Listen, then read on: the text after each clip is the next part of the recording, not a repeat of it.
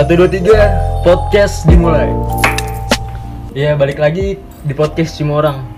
Kali ini gue berempat kumpul nih kumpul lagi buat ngisi podcast cuma orang. akhirnya Akhirnya. kita bisa ketemu juga Setelah tiga bulan lah Tiga bulan. bulan kita di rumah mulu di rumah cuma bisa video call, iya cuma bisa zoom lewat chat. whatsapp chat-chat Akhirnya doang Iya.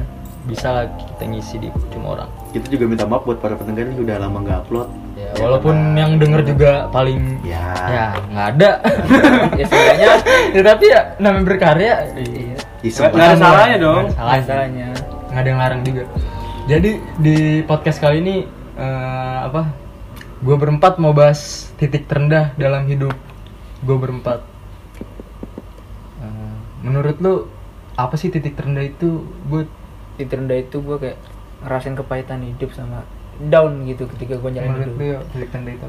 Menurut gue sih gue mengalami sama kayak Budi down banget di dalam hidup gue. kalau lu bi? Hancur. Hancur. Kalau menurut gue titik terendah tuh kayak lu sampah anjing. Nggak berguna lu gitu ya? Berguna anjing. Tai lah titik terendah. Ngen aduh. Coba bi menurut lu? Mulai dari gua nih titik terendah dalam hidup lu apa sih? Titik Biar terendah- orang-orang bisa ngambil pelajaran Oke. dari cerita lu. titik terendah dalam hidup gua adalah waktu ini waktu gue SMP waktu nyokap gua nggak ada dan gua nggak bisa- dan gua nggak bisa ngasih apa-apa ke nyokap gua hmm. Itu kira-kira kelas berapa? Bi? itu kelas 1 SMP satu SMP Hmm. Aduh. jadi waktu itu nyokap gue sakit emang sakit lama dan Hmm. terus di itu sekitar jam 4 nyokap gue kayak bangun gitu ngerasa sakitan langsung bawa ke salah satu rumah sakit. Dan anjingnya itu rumah sakitnya tuh ngapa tuh rumah sakitnya? telat nanganin. Telah nanganin? dokternya tidur. Serius lu? Buset dah. Itu sampai sampai nggak bakal gue ikhlasin. Itu nggak bakal gue ikhlasin. Demi allah gue nggak bakal ikhlas karena itu. Anjir. Itu nggak mikir kali ya nyawa manusia. Ya itu setahu gue sih singkat gue waktu itu. Ya Mungkin udah. juga kan hal konyol kayak gitu juga bisa jadi masalah buat orang lain ya. ya iya Iya, maksudnya kayak jadi- lu nggak bisa nggak apa sih mentingin diri lu sendiri gitu loh Mungkin juga dokternya nggak tahu lu dia tidur itu bikin jadi orang menderita kan. iya betul sih Sampai sekarang anjing. Bangsat juga ada dokter. Iya lanjut coba. ya udah gitu kayak selang lama pagi sekitar jam 6 nyokap gue udah nggak ada ya udah situ gue udah merasa down ya, dan itu nggak nyampe situ aja sih terus setahun berselang nyokap gue nggak ada ya udah setahun pertama itu gue tinggal sama nenek gue sama bokap sama kakak gue hmm. ya udah gue tiap hari nangis dikit-dikit inget dia sampai ke bawah mimpi. Ya banyak lah mungkin dari kalian ada yang kehilangan orang tuanya. Ya terus udah setahun kemudian ceritanya bokap gue ada rencana buat nikah lagi. Iya. Dan terus gue sama kakak gue semenjak nggak nggak setuju nggak setuju banget malah nggak nggak setuju banget. Terus sebelum nikah bokap gue nikah tuh jadi bibi gue adanya almarhum nyokap gue kayak gimana ya? Kayak nggak yang membela gue lah gitu. Nggak setuju gitu ya? Nggak setuju. Tapi bokap gue gue juga apa ya nggak melarang bokap gue bokap gue menikah lagi. Ya karena namanya laki-laki butuh ini ya iya. pasangan itu Nggak bisa sendiri, nggak nggak bisa apalagi sendiri, itu ya. nggak bisa sendiri. Saya ya udahlah terjadi. Bokap gue nikah lagi dan itu sebelum bokap gue nikah nen- nenek nenek gue sama kakek gue dipindah ke rumah bibi gue karena bokap bokap sama bibi gue sama rada cekcok gitulah. Semenjak itu hidup gue udah mulai ya biasa-biasa aja lah. Sama berselang bokap gue gue emang gak suka sih sama nyokap tiri gue nih. Hmm. dan ada, satu ketika gue pengen ke gue udah janji itu habis sholat jumat sama bokap gue dia bilang bokap gue pak abis ini ke kuburan mama ya mau jenguk gitu. Ziarah? Ziarah. Emang abis abis hujan tuh setelah sholat jumat abis hujan gue udah pengen berangkat. Dan si nyokap tiri gue nih si ngentot ini kayak ngelarang bokap gue gitu loh. Orang pengen larang gitu ngapain gitu gitu ya di situ gue berontak. Gue situ keluar sambil ngomong anjing. Terus dia keluar si nyokap dari gue keluar katanya apaan sih gini gini ya udah gue katain itu semua ragunan keluar ke depan muka gue itu ada tetangga gue gue katain ngentot babi lu anjing kontol memek segala macem. Gue kata katain Abi kata gue Abi apaan sih ngomong jadi gini? Ah bacot lu anjing gue gituin. Itu down parah itu ke rumah bibi gue gue lari. Emang sih rumah dari gue sama rumah bibi gue itu dekat dan itu gue nangis. Udah itu nangis buat gue nangis. Dan sih itu menurut gue titik terendah gue kayak gitu sih. Sorry sorry kalau lama ya buat kalian nih yang masih ada orang tua ya. Ah, ini sih apa ya gimana sih jatuhnya? Ya gini, pesan, kalau menurut gue ya eh, selagi masih ada orang Masuk. tua ya ya lu jaga. Jaga. Ma- apa ya maksudnya? Lu hargai orang tua lu. walaupun lu nggak bisa bikin bahagia Nggak dia hal kecil aja yang bikin dia bahagia lu lakuin lah. Seenggaknya lu bisa bikin dia tersenyum Iya. nggak usah lah bandel yang penting nurut ya betul usah iya. Lu juga dengerin orang tua sama lu sholat doain dia itu udah seneng banget lebih dari apa apa pun itu. Dan yang penting lu jangan lawan orang tua deh. Hmm. itu tuh dosa yang besar banget ngaruh sama kehidupan ngaruh sama kehidupan Iya. ya lanjut. Siapa? Coba lu gimana yuk? Titik terendah. Titik terendah gue tuh saat gue kehilangan almarhum bokap gue ya. Hmm. Nah, dia tuh dia tuh emang lelaki pejuang semangat banget. Dan tuh dia dia sakit selama tujuh bulan. Tujuh bulan. Dia dia stroke. Dan ini adalah stroke ke tiga bagi dia. Nah jadi kan udah istilahnya udah komplikasi ya udah menyebar ke semuanya. Dan gue gue merasa beruntung banget. Gue udah ngerawat dia selama enam bulan. Nah dan pada suatu hari ba- bapak gue jadi ini bolak balik ke rumah sakit rumah sakit kayak ICU perawatan ICU ICU perawatan ICU perawatan nah gue di situ gue gue udah berjanji gue gue akan jagain bokap gue terus walaupun dalam kondisi sakit seperti itu. Nah dan suatu ketika bapak gue masuk ICU lagi. Nih ini ini udah paling parah. Misalkan udah kayak komplikasi udah belum menyebar ke mana ya kayak. Dan akhirnya jam sebelasan jam malam dia nggak ada. Dan gue tuh down banget dan dan gue merasa terpuruk banget di di di waktu itu. Nah dia dia tuh berharap banget gue bisa menjadi orang yang sukses ya kan? Hmm. dia tuh berharap banget kayak walaupun kan di barat gue gue anak apa? Anak tunggal eh anak bungsu. Bu- bontot ya? Terakhir, iya anak terakhir, anak terakhir, iya. Dan gue cowok sendiri dan kakak kakak dan kakak kakak gue itu ketiganya itu cewek semua ya. Dia tuh dia tuh berharap banget sama gue dan sekarang gue nggak bisa ngelakuin apa-apa buat dia. Gue yang gue lakuin gue gue cuma bisa bikin dia senang di alam sana walaupun kita udah berbeda dunia. Nah ya udah sih itu titik terendah di hidup gue ya nah gue pesan nih sama lu Pak- sama lu pada yang masih ada punya orang punya orang tua.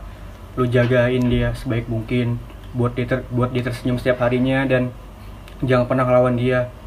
Dan bikin dan lu harus menjadi orang yang sukses biar dia senang nanti ke depan Nih, tar dulu cuy. Gua mau nanya nih buat lu berdua yang yang kurang beruntung lah istilahnya ya.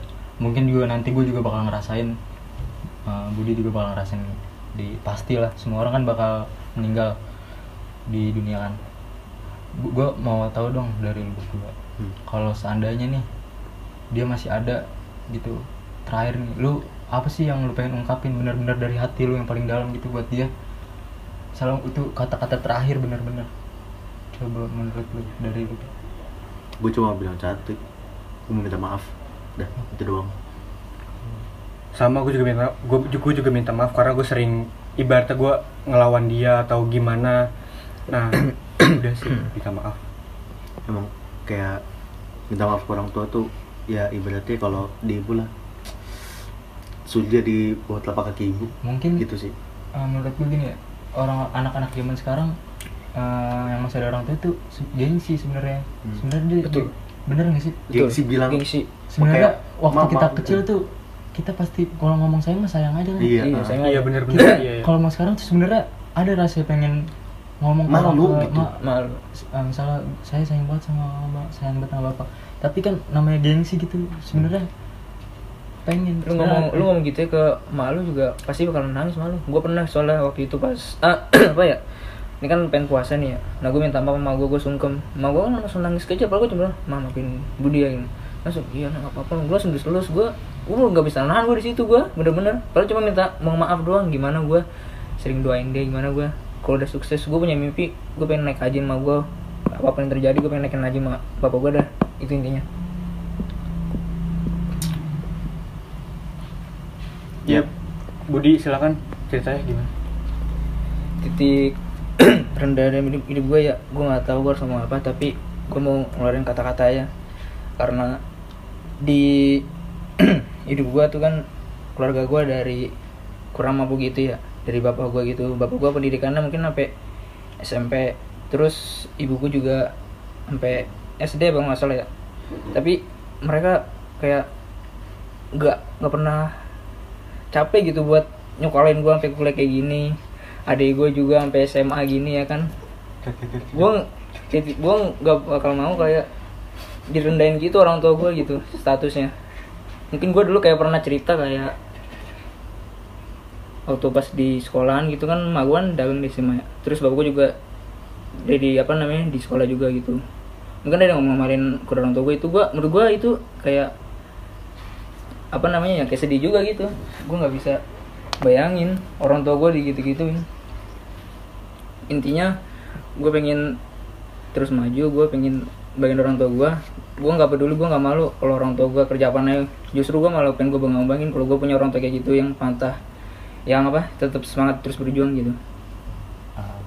Gue juga nih buat gue tambahin ya.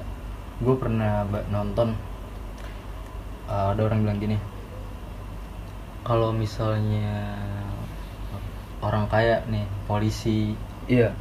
uh, tentara pengacara yang berpenghasilan kalau anak sukses ya itu udah biasa dia jadi uh, sukses dia jadi ini.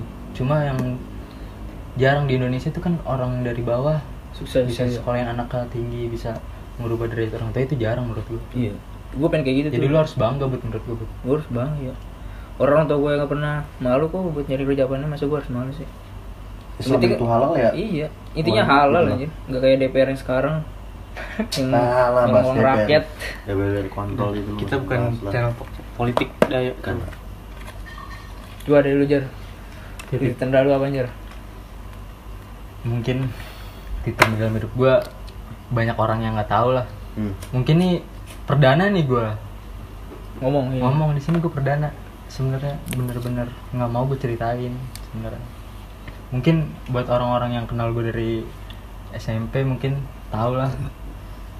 Gue dulu awal masuk kelas 7 gue udah dibully gue udah dikulin.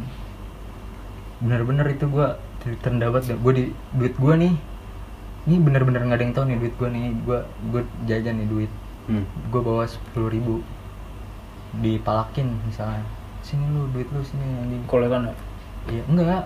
Gue doang di lu dong? Iya. Itu gue bener-bener dibully di pukulin ditarik bener dari kelas 7 sama kelas 8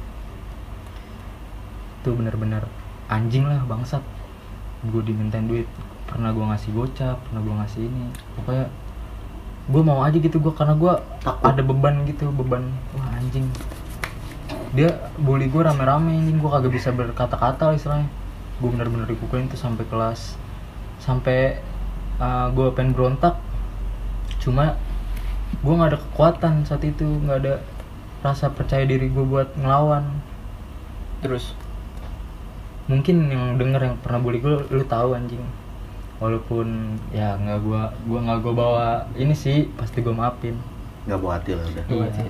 Cuma itu menurut gue titik terendah dalam hidup gue yang susah buat dilupain. Ya bukan masalah itu ya psikis itu loh anjing. Gue kalau gue mau sekolah gue rasanya Takut. aduh. Iya iya benar benar benar.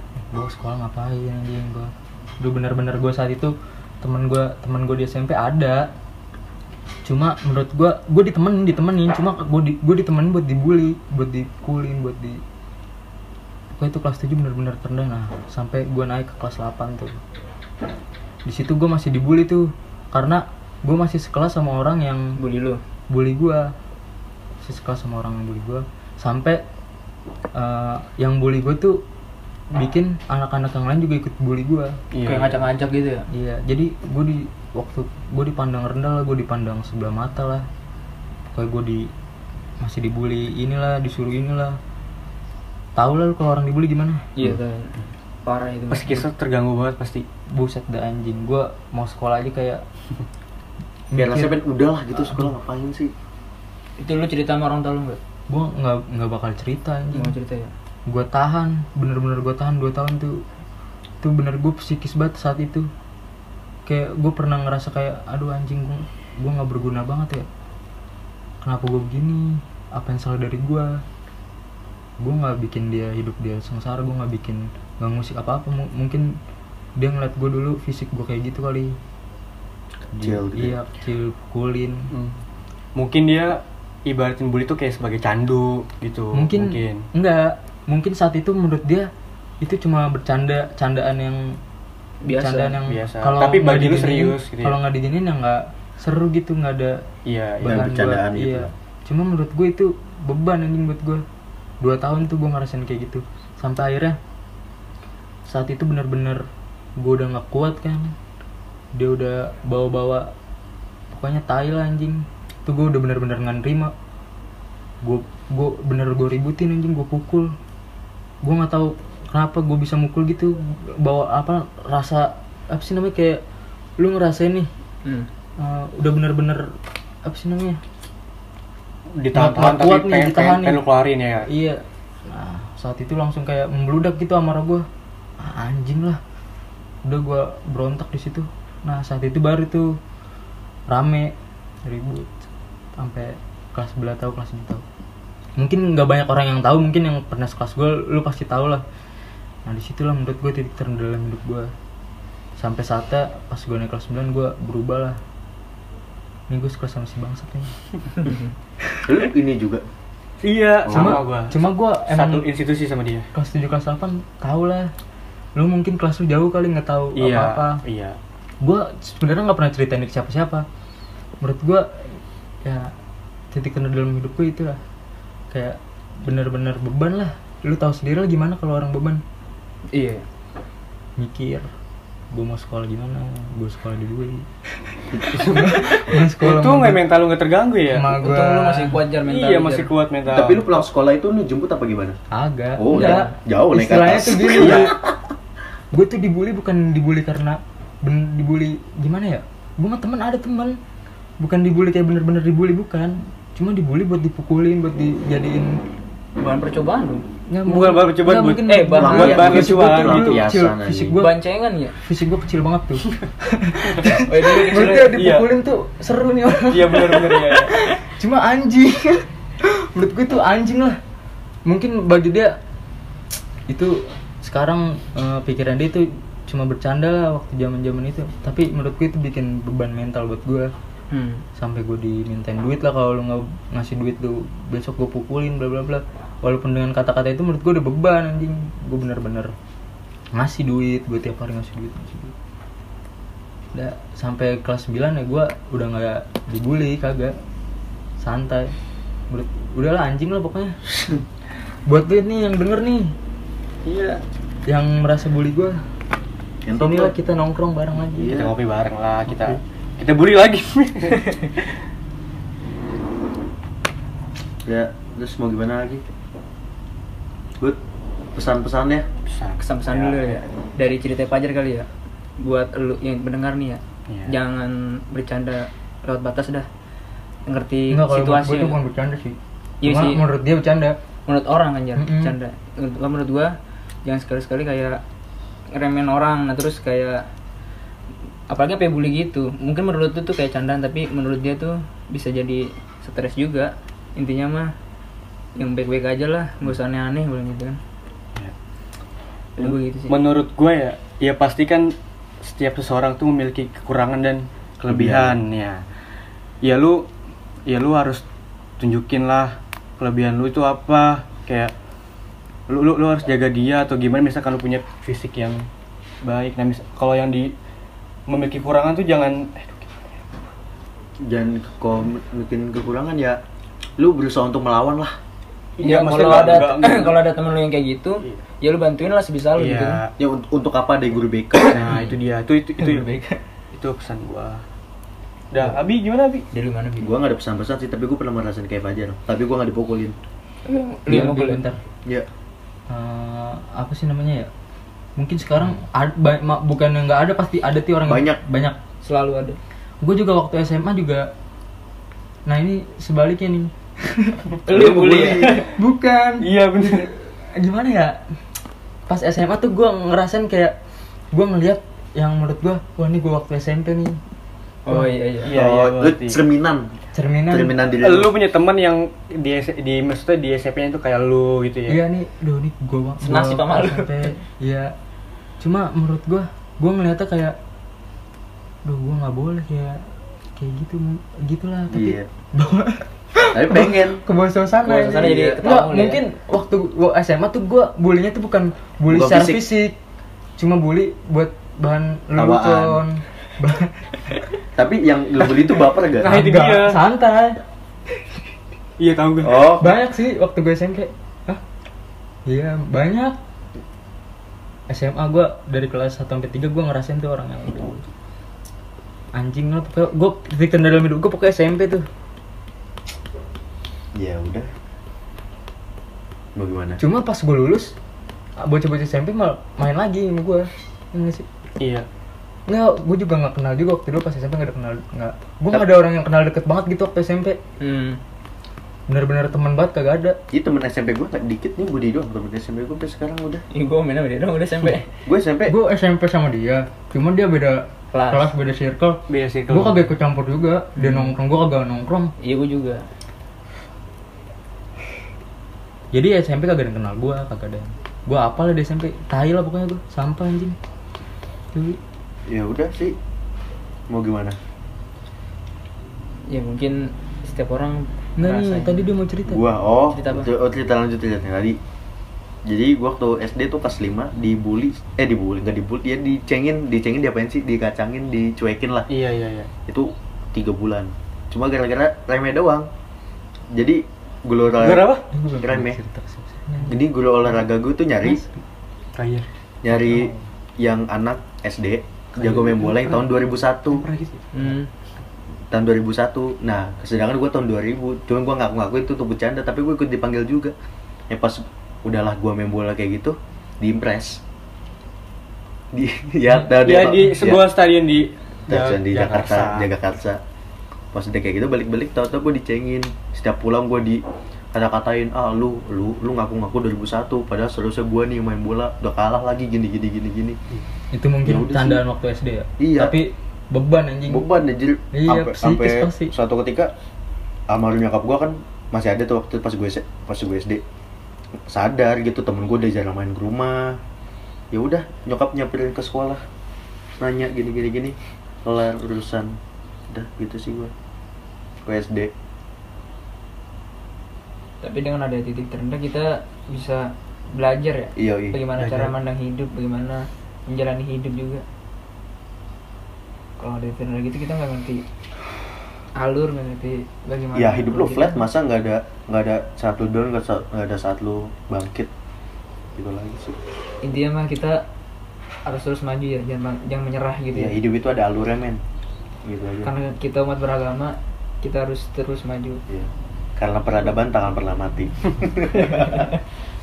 Fis banget bang lu orangnya. Oke. Ya, ini banget ya. Ya mungkin uh, kesimpulan dari podcast ini dari lu menurut lu gimana sih lu bisa keluar dari titik terendah itu? Proses lu keluar dari titik terendah itu buat bangkit lagi Bud. Prosesnya gue Gimana? kayak lu udah ngerasa tadi kan lu ceritakan orang tua lu kan? Iya. yang menurutnya beda dari yang lain lah. Nah, orang beruntung lah istilahnya. Gimana sih ngomongin sih bisa lu iya iya iya. iya iya mirip tuh coba. Mungkin dengan kalau gue ya keluar dari apa namanya titik rendah itu ya dengan gue menjalani hidup dengan baik terus gue ngelakuin hormat sama orang lain nanti orang mungkin akan balik baik ke gue gitu. Ya Rio gimana? ya mungkin dengan meninggalnya almar al- almarhum bokap gue ini gue jadi lebih mengerti kehidupan kayak gue waktu itu malas banget ngapa-ngapain. Dan Kok selalu ngomong Dan- yang meninggal. Iya.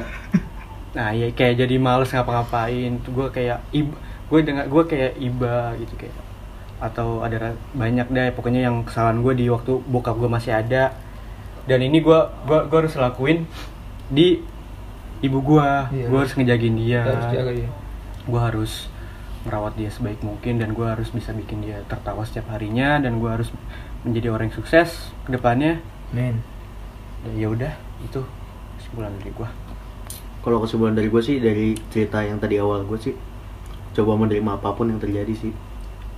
Coba menerima. Dan sekarang juga gue pengen melampiaskan ke ke nyokap gue nih yang udah nggak ada nih melampiaskannya ke kakak gue sih. Karena kan kakak gue sekarang lagi hamil jadi gue ada bayangan lah. Ketika itu nyokap gue lagi lagi ngandung gue rasa rasa kayak gimana susahnya jalan susahnya lagi tidur kan ya gitu deh.